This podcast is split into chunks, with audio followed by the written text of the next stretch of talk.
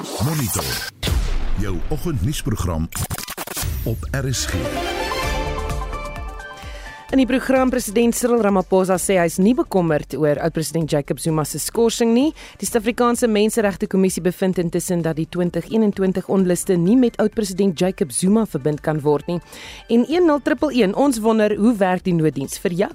When South Africans pick up the phone and phone 10111, they deserve to hear a voice on the other end of that line who can link them to a responder to deal with a crime in action. Dis so 5 minute oor 6. Welkom by Monitor. Die span is Hendrik Martin, Daitrin Godfrey en ek is Susan Paxton.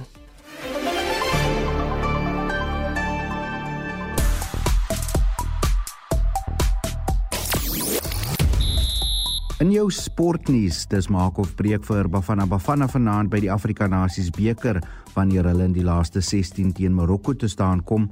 In krieket, die vroue Protea speel in hul derde en laaste T20 wedstryd in die reeks teen Australië en in rugby, die Blitsbokke in 'n moeilike groep vir die Vancouver Sewes wat oor 'n maand plaasvind. So wanneer laas het jy die noodnommer 10111 gebel en wat het gebeur? Die minister van polisie Bekkie Cele het reeds 'n jaar gelede in antwoord op 'n parlementêre vraag laat weet dat sowat 7 miljoen oproepe na die 10111 nommer misluk het. Die oproepsentrum was ook op sowat 41% erg onderbeman. Die polisie het nou 'n nasionale herstelprojek geloods op die 10111 sentrums om hulle weer op dreef te kry. So laat weet ons wat dink jy? Praat saam op Facebook ook. Jy kan 'n SMS stuur 45889 teen R1.50 per boodskap. Hoe het jy dit ervaar? Het jy al die nommer gebruik? Ehm um, en of stuur 'n WhatsApp stemnota. Ons hoor graag van jou. Is 076 536 6961 076 536 6961. Monitor. Jou oggendnuusprogram op RSG. En dit is nou presies 10 minute oor 6. Die verhoor van 15 beskuldigdes in verband met die moord in 2020 op die speeder Charles Kneer het gister in die Kaapse Hooggeregshof begin. Kneer is in September 2020 voor sy huis in Bishop Lywes geskiet. Die beweerde bendebaas Nazif Moudak en 14 mede-beskuldigdes het gister in die hof verskyn. Kneer was 'n speeder van die teenbende eenheid wat verskeie hoë profiel sake ondersoek het. Hy het polisiebeskerming by sy huis gehad nadat hy verskeie doodsdreigemente gekry het. Sy beskerming is later onttrek. Ons praat nou met sy weduwee Nikki Kneer. Goeiemôre Nikki. Môre môre. Soos ons verstaan het jy nie op die oomblik beskerming nie. Wat is die situasie? Man, ja, nee, ek het nie. Ehm um, hulle het hulle Sondagoggend, seker so 8uur, tot hulle onttrek. En voel jy onveilig? Ja. Ja, want ehm um, kyk ons weet nou maar waarmee uh, man lief besig was. En ehm um, ons weet ook dat hy ten tye van sy dood besig was met met natuurlik ondersoeke maar ook om na ehm um, korrupte polisiebeamptes te kyk of se ondersoek. So uh, ja. Hm. En was jy gister in die hof? Ek was. Ek en, was in die hof gister. Hoe was dit? Ehm um, Ja, dis dis emosioneel um, ons het aanvanklik nie geweet wat om te verwag nie want ehm um, daar was verskriklike baie taktik gebruik om om dinge te stol. Ehm um, regs am nie almal het regs lei nie. Ehm um, Nafis het aansoek gedoen vir ehm um, regshulp, maar hy wou ehm um, sy eie prokureur hê dan word die legal aid board moet moet betaal maar hy wil en dit dit volgens ons landswet laat dit nie toe nie. So dit was 'n oor en weer en net dinge net gestol, maar regter dit op die die regter wat die wat die ehm um, uh verhoor gaan van waarneem. Hy was gisteroggend vir die eerste keer op en ek dink hy het sy voet ferm neergesit en gesê luister want hy wou toe weer appeleer want hy het al van hy het nou appeleer en nou wil hy dit nou nog 'n bietjie hoor vat. En dis hierdie regte van luister Boeta, maak nie saak waantoe jy gaan nie, dis landswet. Um dit gaan nie dit gaan nie goedgekeur word nie. So jy is nou besig om tyd te mors. So vat nou maar net legal aid en laat hulle net vir jou prokureur gee. Van begin gaan ons begin. So uh, ja, so hy het vinnig huisreëls neergesit en um hulle van hulle het al begin pleit op van die sake wat die staat begin te inlees het. So ja, so laat my daar's bietjie vir ons ons vorder ten minste nou. Hmm. Weet jy al hoekom Shaal vermoor is? Kyk, dit is dit is natuurlik as gevolg van sy werk. Ek dink dit is bewys en um om hom om hom stil te maak. Um as gevolg van die ondersoeke en dit wat hy wat hy uitgevind het. Um dis nou net om seker te maak dat die wat vir almal wat verantwoordelik was aan die pen gery word. Uh, want Yes, ja, nee, soos jy genoem het, as 14, 15 wat tans in die Hoge Regshof is, maar soos ek baie keer al gesê het, nie een van daai 14 of 15 kon die opdrag gee vir sy wagte om intrek te word nie. Um en dit is ek dink dit is dis maklik omdat die kriminele kant um tans um so in die, in die, in die almal dis in die media, dis al is oral. Vergeet mense eintlik dat SAPS of sy werkgewer het ook maar hulle te werk gehad. Hulle het 'n verantwoordelikheid gehad wat hulle nie nagekom het nie. Een van dit was sy om toe te om toe te of om te sorg dat hy beskerming het en dit was nie gedoen nie. En ehm um, en dit tans is die, is die groot frustrasie en stryd. Ehm um, soos Bernard nou ook aan sal sal sê Afriforum het juis aan boord gekom om daai vrae te vra. Ja. Hoekom is daar nog 3 jaar later geen dissiplinêre prosedure ehm um, gevolg nie om om om mense verantwoordelik te hou wat nie hulle werk gedoen het nie. Ehm um, en ons weet mos nou dat die die Apple verslag is is nou under lock and key en jy weet daai vraag hoekom? Wat beskerm? Wie word beskerm? En ehm um, ja met my sekuriteit ehm um, daar in die in die verslag die mense wat my sekuriteit ehm um, as ek nou maar sê wat hulle noem in die polisie risk assessment gedoen het volgens iPad met hulle moet moet hulle um, aangekla word. So hoe kan die mense wat wat verantwoordelik is vir my verslag um, word word eintlik maar oor die vingers getik binne in die ander verslag. Hmm. So dis 'n gemors. Dis net 'n groot gemors. Ja. Baie dankie dis die weduwee van Shalkeneer en Nikki Kneer en ons praat nou ook met Bernard Pieterse die bestuurder uh, gemeenskapsaktivering van die Kaapse Forum wat by die saak betrokke is. Uh, Bernard, is jy daar? Goeiemôre, ja. Uh, hoe is julle betrokke? Uh soos Nikki gesê het, is ons betrokke. Ehm um, hulle het ons kom sien Nikki verlede jaar saam daar gesin om te hoor hoe ons hulle kan help om die saak wat vir 3 jaar gesnoer het waar die iPad uh, verslag uh melding maak van sekere ondersoeke wat nog afgehandel moet word en wat vir 3 jaar gesloer het. En dis toe ons vir Gerdinel Afriforum hulle kontak om te sê kom ons pak hierdie probleem saam aan want soos mevrou Kneer sê, ehm um, hulle as gesin voel nog steeds bedreig. En ek het gesien daar was baie kommentaar gewees verlede uh, gister op sosiale media wat nou uh kom ons sê nie so wel deur dag was nie waar mense kommentaar gelewer het oor haar om te sê maar hoekom is sy um bekommerd? Hoekom is sy bang? Sy het nie hierdie mense aangekla of Um, dit was haar man gewees. Hoekom is haar hoekom voel sy bedreig? En ek dink as 'n mens gaan kyk na die hele storie, nou nie net hierdie insident wat nou oor die naweek homself afgespeel het nie, maar dit is mevrou Kneer wat hierdie saak gedryf het vir jare waar die polisie gesnoer het. Daar sy homself gesê vir 3 jaar het daar niks gebeur met iPad nie. En van ons kant af is ons by daardie saak betrokke en uh, gister het die ander saak, die eksterne saak as ek dit so kan stel, buite die polisie waar die uh, Modak en groep vervolg word, ehm um, voortgegaan. So mevrou Kneek dryf nog steeds hierdie saak want sy soek geregtigheid. Dit kom nie van die polisie se kant af nie. So daar is 'n werklike rede en 'n praktiese logiese rede hoekom sy en haar gesin bedryf voel. Hierdie dryf vir geregtigheid kom ongelukkig nie van die polisie of enige van hulle ehm um, vertakkings of afdelings nie. Dit kom van die gesin en dit is hoekom ons van Kaapse Forum se kant af totaal en al agter die gesin staan te sê die uh, veiligheid wat hulle geniet het tot nou van die polisie se kant af moet terug uh, moet geheraktiveer word vir die duur van al hierdie hofsaake. Ehm um, soos mevrou Kneer gesê het, hoekom 'n dag voor die tyd? Dit kan sleer. Hoekom nie 'n week voor die tyd nie? Hoekom nie 'n maand voor die tyd nie? Hoekom so strategies 'n dag voor die tyd? Ja. Ehm ja. um, ek sê dit, ek vra dit nie dat ek 'n antwoord het nie. Ehm um, dit is op die oomblik 'n oop vraag, maar ek dink dit is 'n baie baie belangrike vraag, die tydsberekening van sekere van hierdie besluite. Ja, ja. Baie dankie. Dit was Bernard Pieterse, hy's bestuurder gemeenskapsaktivering by die Kaapse Forum. In Julie 2021 onluste in KwaZulu-Natal en Gauteng was georkestreer. Dis die bevinding van die twee hoofstuk 9 organisasies, die Suid-Afrikaanse Menseregte Kommissie en die Kommissie vir die Bevordering en Beskerming van Kulturele, Godsdienstige en Taalregte. Die Menseregte Kommissie het 'n ondersoek oor die onluste in die twee provinsies gehou en Dries Liebenberg doen verslag. Die Menseregte Kommissie sê in sy verslag 2021 se onrus was goed georkestreer. Hoofwee is versper terwyl fabrieke pakhuise en winkelsentrums geplunder en aan die brand gesteek is.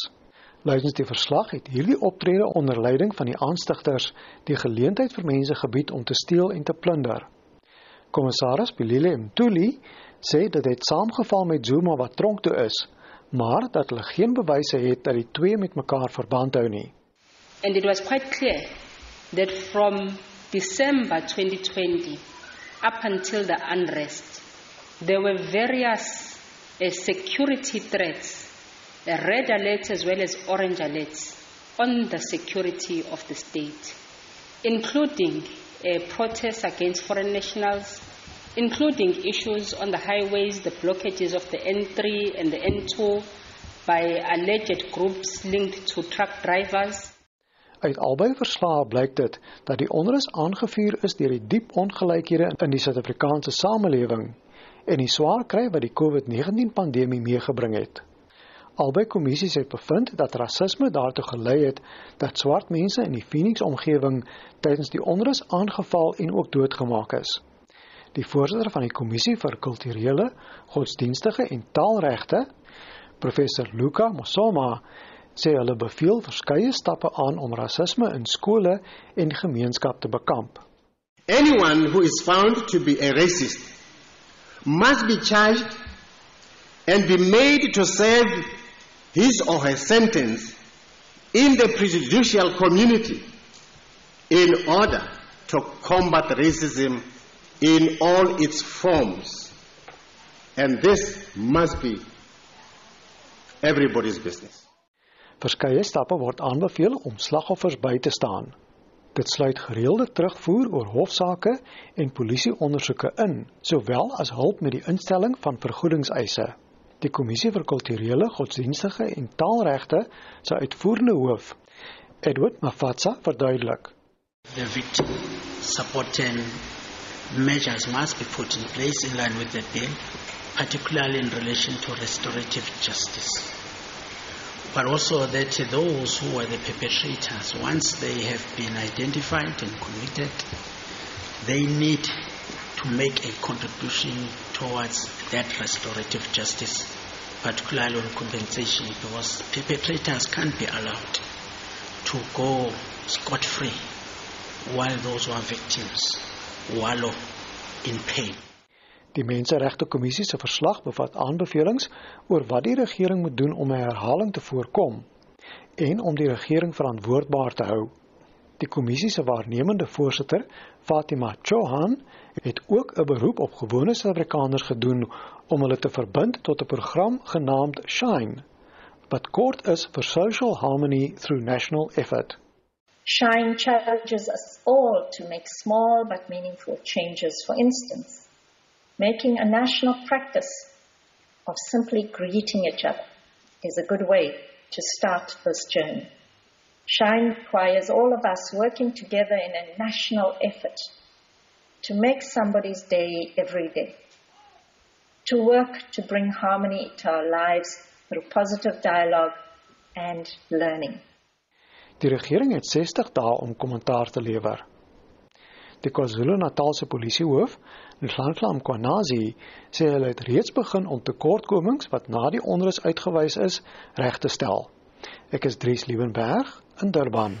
Ons praat nou ook met die politieke ontleder van die Noordwes Universiteit professor eh, Piet Kroukamp. Goeiemôre Piet. Goeiemôre Susan. Nou voor ons by die twee verslae kom, ons het gister verneem dat die ANC se nasionale uitvoerende komitee oud-president Jacob Zuma geskort het. Dis nou nadat hy gesê het hy gaan sy ondersteuners en lede van die algemene publiek ontmoedig om vir die ANC te stem. Jou reaksie? Ek dink as die NEC kon hulle self of die uitvoerende komitee van die ANC kon hulle groot guns gedoen het deur 'n uh, um, 'n paar vrae te vra oor uh, Jacob Zuma se gedrag uh, en sy die sien maar sy betrokkeheid by die MK party en dit gaan eintlik hoofsaaklik oor uh, Jacob Zuma se dogter uh, Duduzile Zuma Zambutla en ek dink sy sal ook figureer in die volgende deel van julle uh, gesprek met my wanneer dit gaan oor die uh, Julie 21 uh, 2021 uh, uh, onbestendigheid in KwaZulu-Natal en Gauteng. Uh as jy wil verstaan hoekom Zuma doen wat hy doen, sy dogter is sy groot die grootste invloed op hom. Sy is die een wat hom by MK laat aansluit. Sy is die een wat die wat die dryfveer agter die proses is. En ek dink daai verband daar is 'n vervreemding tussen haar en die ANC al uh, vir 'n hele paar jaar. En ek dink daai proses het nou tot wasdom gekom. Uh die ANC uiteindelik uh, wil nou van Jacob Zuma ontslaa. Ek nie oor hy as persoon nie, maar die nagevolge van sy verhouding met sy dogter en die en uh, die konsekwensies wat dit vir die ANC het. Ons bly by Zuma. Die Menseregte Kommissie meen die onluste kan nie aan Zuma se vonnis vir minagting van die hof gekoppel word nie. Stem jy saam? Ja, ek dink ek het destyds al gesê dat uh, dit was 'n vonk in 'n kruitvat gewees en daai vonk kon ook veroorsaak gewees het by 'n stampede soos die Engelse sê by 'n sokkerstadion en die die verslag dui ook baie mooi daarop dat uh, wat eintlik gebeur het is die ontbrandingsmateriaal vir die onbestendigheid het reeds bestaan. Uh daar was reeds op die logistieke stelsel hier op die N3 af uh, tussen Durban en Gauteng was daar reeds trokbrandery vir maande en om die waarheid te sê vir jare gewees. Die uh uh onbestendigheid wat bestaan het as gevolg van die argument van buitelandse trokdrywers het reeds vir jare bestaan. Uh 'n groot deel van die onbestendigheid wat in KwaZulu geweld het in KwaZulu-Natal plaasgevind het, uh was reeds daar, daar was reeds krygsgere, die taxi geweld het reeds bestaan. Uh die konflik tussen plaaslike krygsgere het reeds bestaan. Dis dieselfde tipe van ontbrandingsmateriaal wat in die 1990s bestaan het in 'n geparamilitêre of 'n paramilitêre tipe omgewing soos wat KwaZulu-Natal is. Daai ontbrandingsmateriaal het reeds bestaan en op 'n manier dit met mense kan dit so half 'n perfekte storm of 'n perfekte chaos noem. Het baie van hierdie goed die een het as dit ware aanleiding gegee tot die ander een. Uh en dit het ook die illusie geskep dat dit georganiseer is en ek dink dis waar die waar die komitee effens se kat of die, die kommissie erns se kat in die stert beet het die illusie van dat hierdie goed georkestreer is, dit baie maklik ontstaan omdat al hierdie verskillende faktore reeds teenwoordig is in in KwaZulu-Natal en omdat dit Gauteng en ja en en en, en KwaZulu-Natal as dit ware met mekaar logisties verbind. Hmm. Het die uh, politieke situasie in die land dan hoegenaamd 'n rol by die onluste gespeel?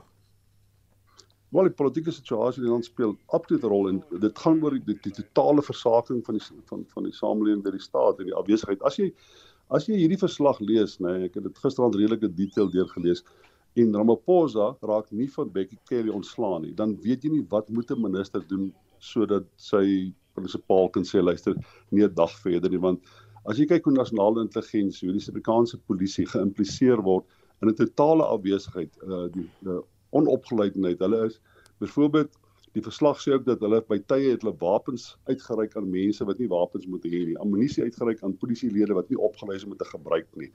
Uh die onbeholpenheid van die staat, nie net in die in die hantering van dit wat gebeur het in 2021 nie, maar die onbeholpenheid en die afwesigheid van die staat in aanleiding tot wat gebeur het word redelik duidelik in die verslag uiteengesit. In spite van die gebreke in die verslag is dit uh, so aanklag teenoor Ramaphosa self. Hy word by tye self geïmpliseer in die manier wat hy sekere dinge gedoen het en sekere dinge doen wat betref politiek in Suid-Afrika. Dat dit eintlik 'n baie verdoemende verslag. Hierdie verslag is is is, uit uit baie foute in, maar hy is hy hy strook met dit wat Zondo kommissie gesê het van Suid van die Suid-Afrikaanse regering en van die staat. En in daardie opsig is dit belangrik. Dit is 'n herbevestiging van wat wat baie ander kommissies se verslae oor Suid-Afrika al gesê het en dis 'n herbevestiging van Ramaphosa self, sy eie administrasie, sy eie regering uh se swak bestuur van Suid-Afrika. Baie dankie. Ons het gepraat met die politieke ontleder van die Noordwes Universiteit, professor Piet Kroukamp. 7 miljoen mense in nood kon oor 'n 3 jaar periode nie deur die 10111 inbels in belsentrum gehelp word nie. Die minister van polisie Bekkie Cele het hierdie inligting reeds 'n jaar gelede in antwoord op 'n parlementêre vraag bekend gemaak. Die polisie het intussen 'n herstelprojek van stapel gestuur om die diens weer op dreef te kry.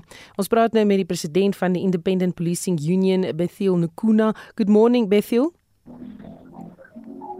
Good morning, Susan, and good morning to your listeners. Tell me why is the service inadequate?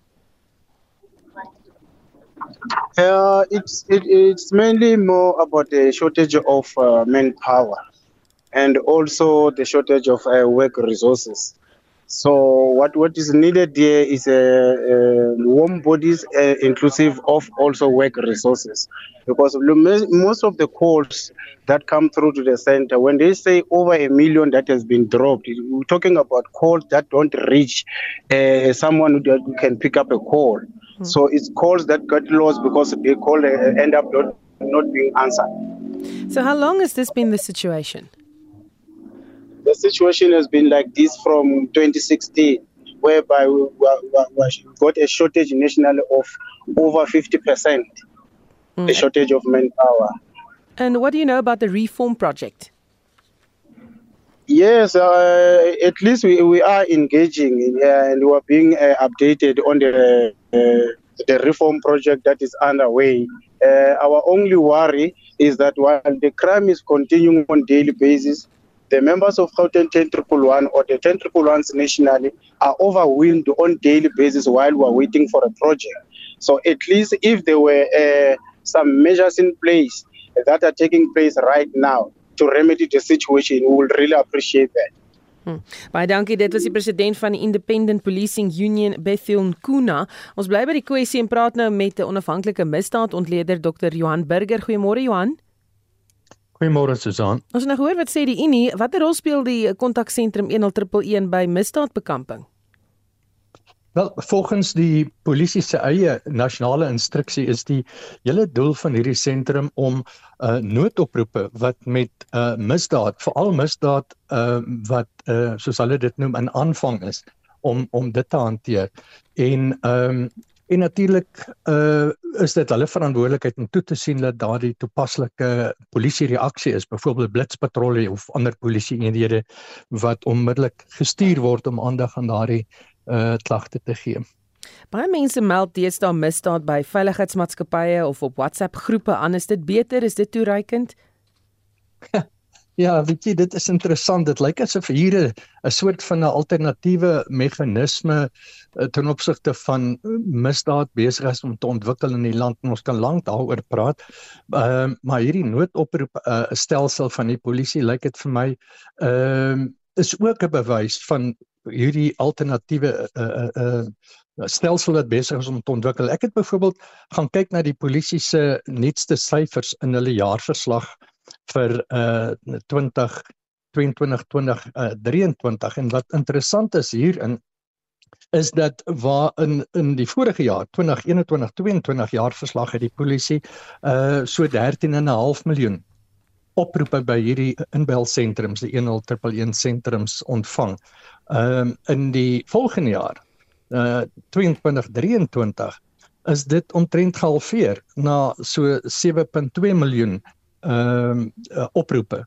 So mens wonder wat het van wat het hierdie skielike daling binne 1 jaar tot gevolg gehad, maar dit is baie baie duidelik 'n uh, aanduiding van hoe mense alternatiewe ehm um, reaksie uh en oplossings vir hulle probleme selfs nood situasies gaan soek. Hmm. Ons verstaan dat die polisie diens die kantoor vir projekbestuur in die presidentsie se hulp ingeroep het om die diens weer op dreef te kry, kan dit wel gedoen word.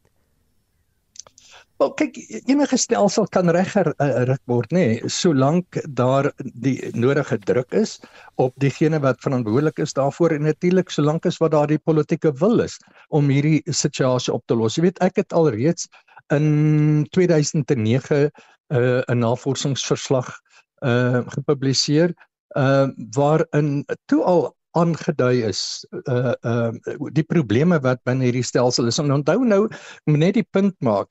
Die stelsel is nie net 'n polisie uh, of die probleme daar is nie net die of die die, die blame moet nie net deur die polisie gedra word nie. Uh die syfers wys wys duidelik dat daar baie mense is in in studies het gewys dat val skoolkinders hierdie uh uh uh 10111 lyn uh, absoluut misbruik wat hulle uh uh die krek skeer met die polisie vals oproepe maak. Uh mense wat onbenullige oproepe na hierdie noodnommer toe maak. Dit plaas hierdie lyn onder geweldige uh, druk en dit plaas die polisiebeamptes aan die ontvangkant ook onder onder druk. So so die probleem lê nie net by die polisie nie daar's ook 'n geweldige groot opvoedingsstaak wat die publiek aanbetref uh oor die uh, gebruik van hierdie uh, noodnommer. Hmm. Baie dankie, dit was die onafhanklike misdaadontleder Dr. Johan Burger. Monitor jou oggendnuusprogram op RSG. Dis nou 6:32 president Cyril Ramaphosa sê hy is nie bekommerd oor oud-president Jacob Zuma se skorsing nie en die polisie in Gauteng het met 'n reuse soektog begin na die aanvallers wat twee mans gister by 'n geleentheid van Randwater in Vlakfontein suid van Johannesburg doodgeskiet en 3 gewond het. Bly ingeskakel.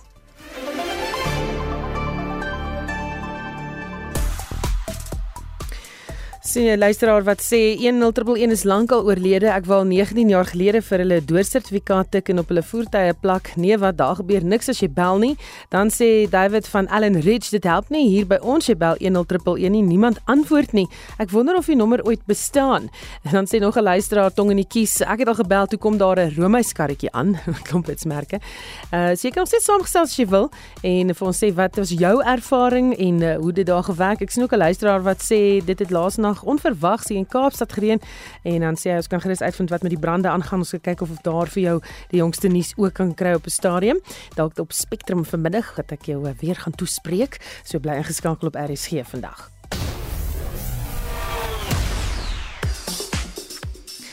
Nou ons begin uh, met sokker en alle hoop Bafana Bafana by die Afrika Nasies beker. Ja, goeiemôre Susan vanaand om 10:00 Bafana in die laaste 16 teen Marokko. Die twee spanne het ook verlede jaar teen mekaar gespeel en Bafana het daar 1-0 gewen en uh, dit is hoekom die span se afrigter Rigo Bro so vol selfvertroue is voor vanaand se kragmeting. Kom ons hoor wat hy te sê gehad het. I think it's an important game for both teams. Morocco is number 1 in Africa, did a fantastic World Cup and is full of uh, high class players. So um, it will be very difficult. At the other side, this AFCON is full of surprises. We beat Morocco already one year ago in Johannesburg. We played uh, a very good game, and that means that it's possible tomorrow to beat Morocco. But we have to achieve our very, very best level. And if we can do that, then maybe we can create another surprise here in uh, on this AFCON by uh, by eliminating yes, this big team of uh, of Morocco. Dan heel wat cricket nuus en die vroue Protea speel weer teen die Aussies, Jari. Ja Susan en dit is uh, die laaste wedstryd in die reeks van 3 wat om 10:00 vanoggend begin. Die kragmeting gaan ook Marizaan Kap se 100ste T20 kragmeting vir die Proteas wees. En ook drie Super 6 kragmetings by die onder 19 Wêreldbeker. Ja, Sri Lanka en die Wes-Indiese eilande gaan sake in Kimberley uitspook. Indië en Nieu-Seeland gaan in Bloemfontein opponente wees en in Potchefstroom speel Pakistan teen Ierland al die wedstryde in die Super 6 by die onder 19 Wêreldbeker begin om 10:00 vanoggend. Gaan opwindend wees en dan wat kan ons vanaand in die SA20 liga verwag? Wedstryd 24 tussen die Durban Super Giants en die Pretoria Capitals op Kingsmead en die Super Giants is eerste op die punte leer met 28 punte na 8 wedstryde. Die Capitals sukkel, hulle is tweede laaste of vyfde met 10 punte na 7 kragmetings. Dan Sewes Rugby en die Blitsbokke is in 'n moeilike groep vir die Vancouver Sewes. Ja, die toernooi wat oor 'n maand plaasvind, hulle gaan daar in die groepfase teen Nieu-Seeland en Ierland te staan kom. Nou die Blitsbokke is na die naweek se Perth Sewes vierde op die punteleer met 42 punte na 3 toernooie. En dan laastens slegte nuus vir 'n Russiese suurskaatser. Ja, die 18-jarige Kamila Vival um, is gister 'n skorsing van 4 jaar opgelê vir die gebruik van opkikkers en Rusland is ook al goue medalje kwyt wat hulle in die 2022 vroue se spankompetisie by die winterspele in Beijing verower het. Baie dankie, dit was Jody Hendriks van RSG Sport. Monitor jou oggendnuusprogram op RSG. 638 die ANC se president Cyril Ramaphosa sê hy is nie bekommerd oor die impak wat oud-president Jacob Zuma se skorsing uit die regerende party op die organisasie sal hê nie. Hy het die opmerking gemaak tydens 'n eksklusiewe onderhoud met die SAIK waar tydens hy onder meer uitgewy het oor die party se interne politiek en belangrike plaaslike en internasionale kwessies. Dit 'n klerk doen verslag? Vir die eerste keer in die ANC se 112-jarige bestaan het die organisasie 'n voormalige president se muur geskort. Die ANC se nasionale uitvoerende komitee sê Zuma het maatreël 25 van die ANC se grondwet wat oor lidmaatskap handel oortree. Maar Ramaphosa sê die nagevolge van Zuma se skorsing is nie iets waaroor hy snags wakker lê nie. No, no, I'm not worried. I mean, he's a free agent. He has decided uh, to go and support or form another party. And the NEC meeting this weekend took a decision that he should be suspended in terms of the rules of our constitution 2560 but as we speak now Jacob Zuma has been suspended by the African National Congress because he said that he is going to support this party which many of us believe he has formed. And on top of that, he says he wants to remain a member of the ANC. The ANC constitution does not allow that, and that is why the NEC took the decision that it has taken. Zuma is nie die enigste senior partylid wat onder Ramaphosa se leierskap geskons word nie. Verlede jaar het die ANC se sekretaris-generaal, Ysmagashule, dieselfde paadjie geloop, 'n aksie wat tot sy verbanning uit die party gelei het. Ramaphosa sê die ANC sal optree teen enige partylid wat die party se hernuwingsprogram teenwerk.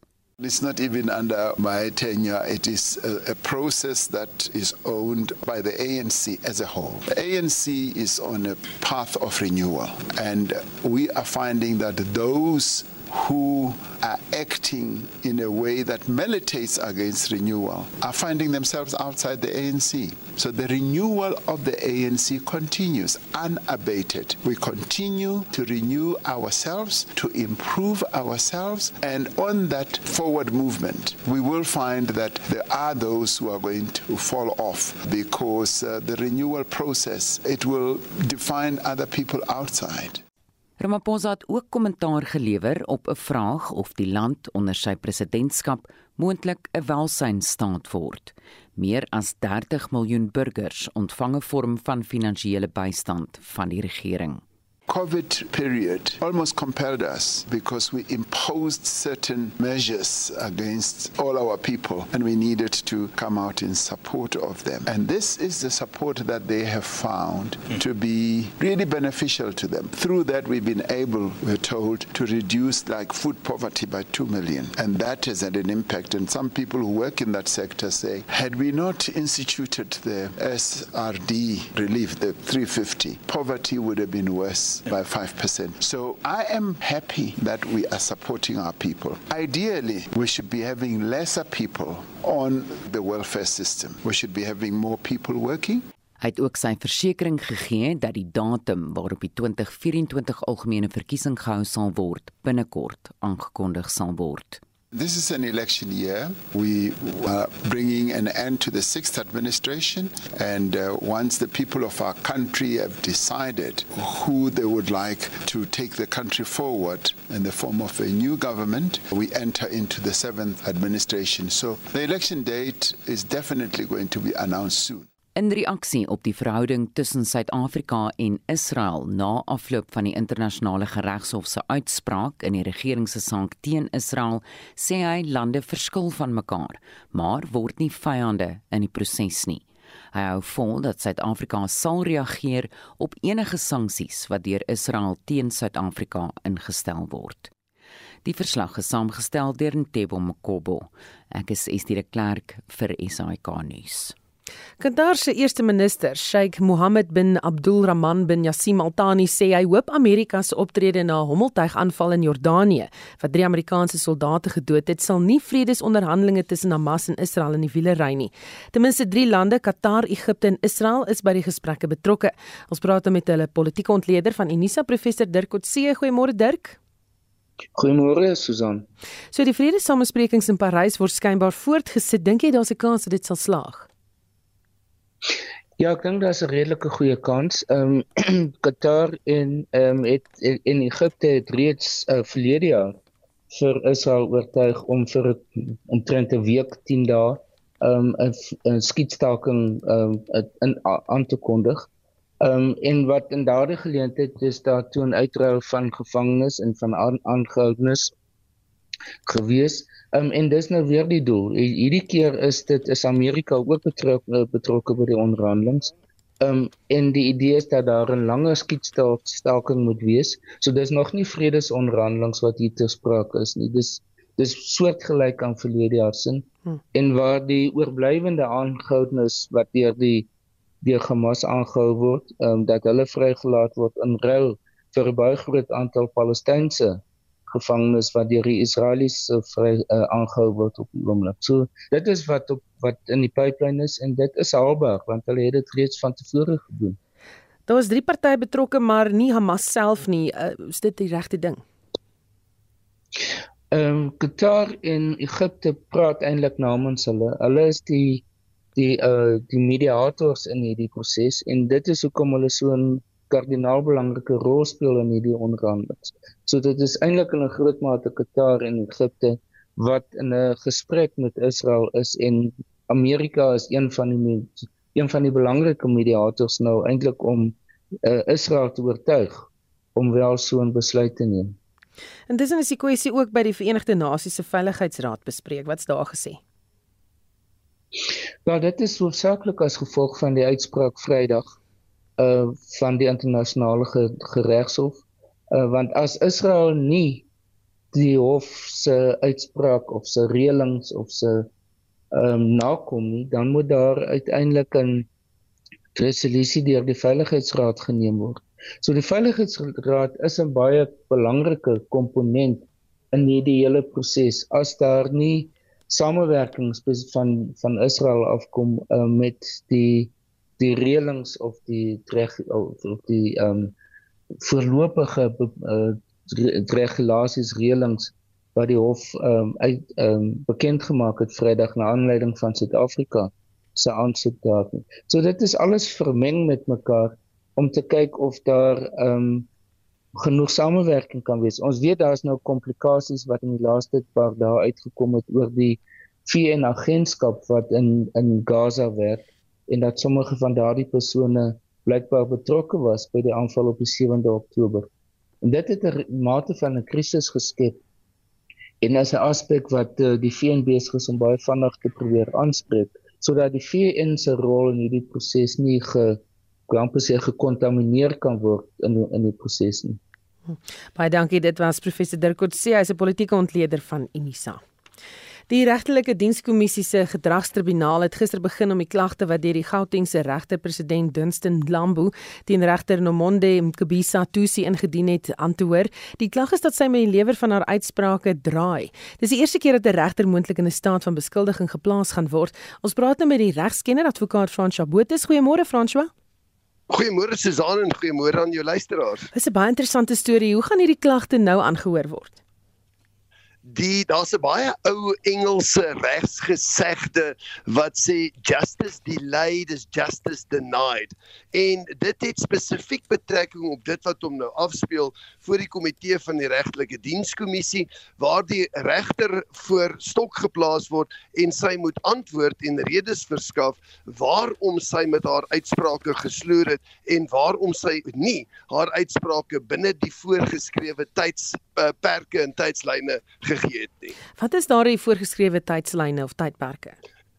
Daar is 'n direktief in die in hierdie afdeling in in in Gauteng dat regters moet so spoedig as prakties moontlik nadat 'n saak aangehoor is uitspraak gee, nie langer nie as 3 maande, ehm um, behalwe as daar uitsonderlike ehm um, aspekte of uitsonderlike omstandighede ter sprake is, met ander woorde 'n lang verhoor of waar daar meer as een regter gesit het in 'n appel byvoorbeeld en dat 'n ander of dat een van die regters op die paneel nie beskikbaar is nie, maar weer eens slegs in uitsonderlike gevalle.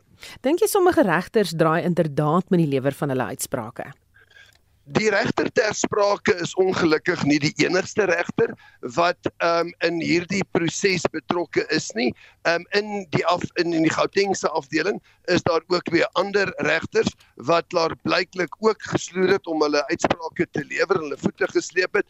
Dit is sodat die afdeling, hierdie afdeling 'n baie baie besige afdeling is. Ongelooflik baie sake word aangehoor, maar dis ongelukkig nie 'n verskoning om nie uitspraak betyds te gee nie. In hierdie spesifieke geval praat ons nie van 'n uitspraak wat 4 maande of 5 maande laat is nie. Ons praat van uitsprake wat tussen 1 en 2 jaar en indien nie langer uitstaande is nie. En dit is dis wesentlik. Hm.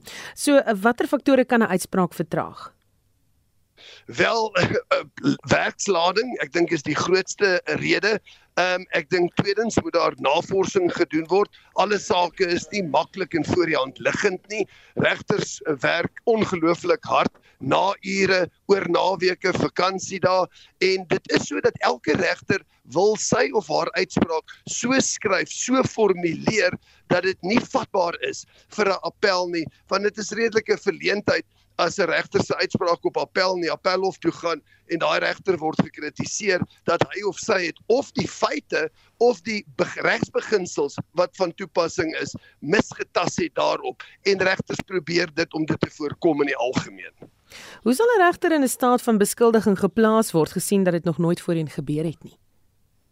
Die enigste vorige geval wat dit gebeur het was met regter um, John Mudata geweest, maar dit was nie as gevolg van 'n uh, uitsprake wat uitstaande was nie. Dit was heeltemal 'n ander geval geweest. In hierdie spesifieke geval gaan die bord van die komitee verwag om aan die regtelike dienskommissie 'n uh, 'n aanbeveling te maak en of die regter dan formeel in 'n staat van beskuldiging geplaas moet word. Met ander woorde dat die regter se optrede nie professioneel is nie en dat die regter nie geskik en gepas is om die rol verder te vervul nie. Die regtelike dienskommissie maak dan 'n aanbeveling aan die parlement en die parlement en slegs die parlement kan dan die regter bewyse van 'n stemming in so 'n staat van beskuldiging plaas en as dit deurgevoer word, beteken dit dat die regter van haar amp onthef word en haar voordele voortspruitend daaruit ongelukkig verloor.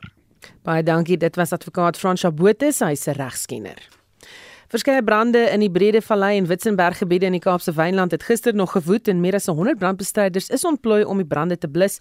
Vir die jongste praat ons nou met Joan Otto, die woordvoerder van die Kaapse Wynland distriksmunisipaliteit. Goeiemôre Joan.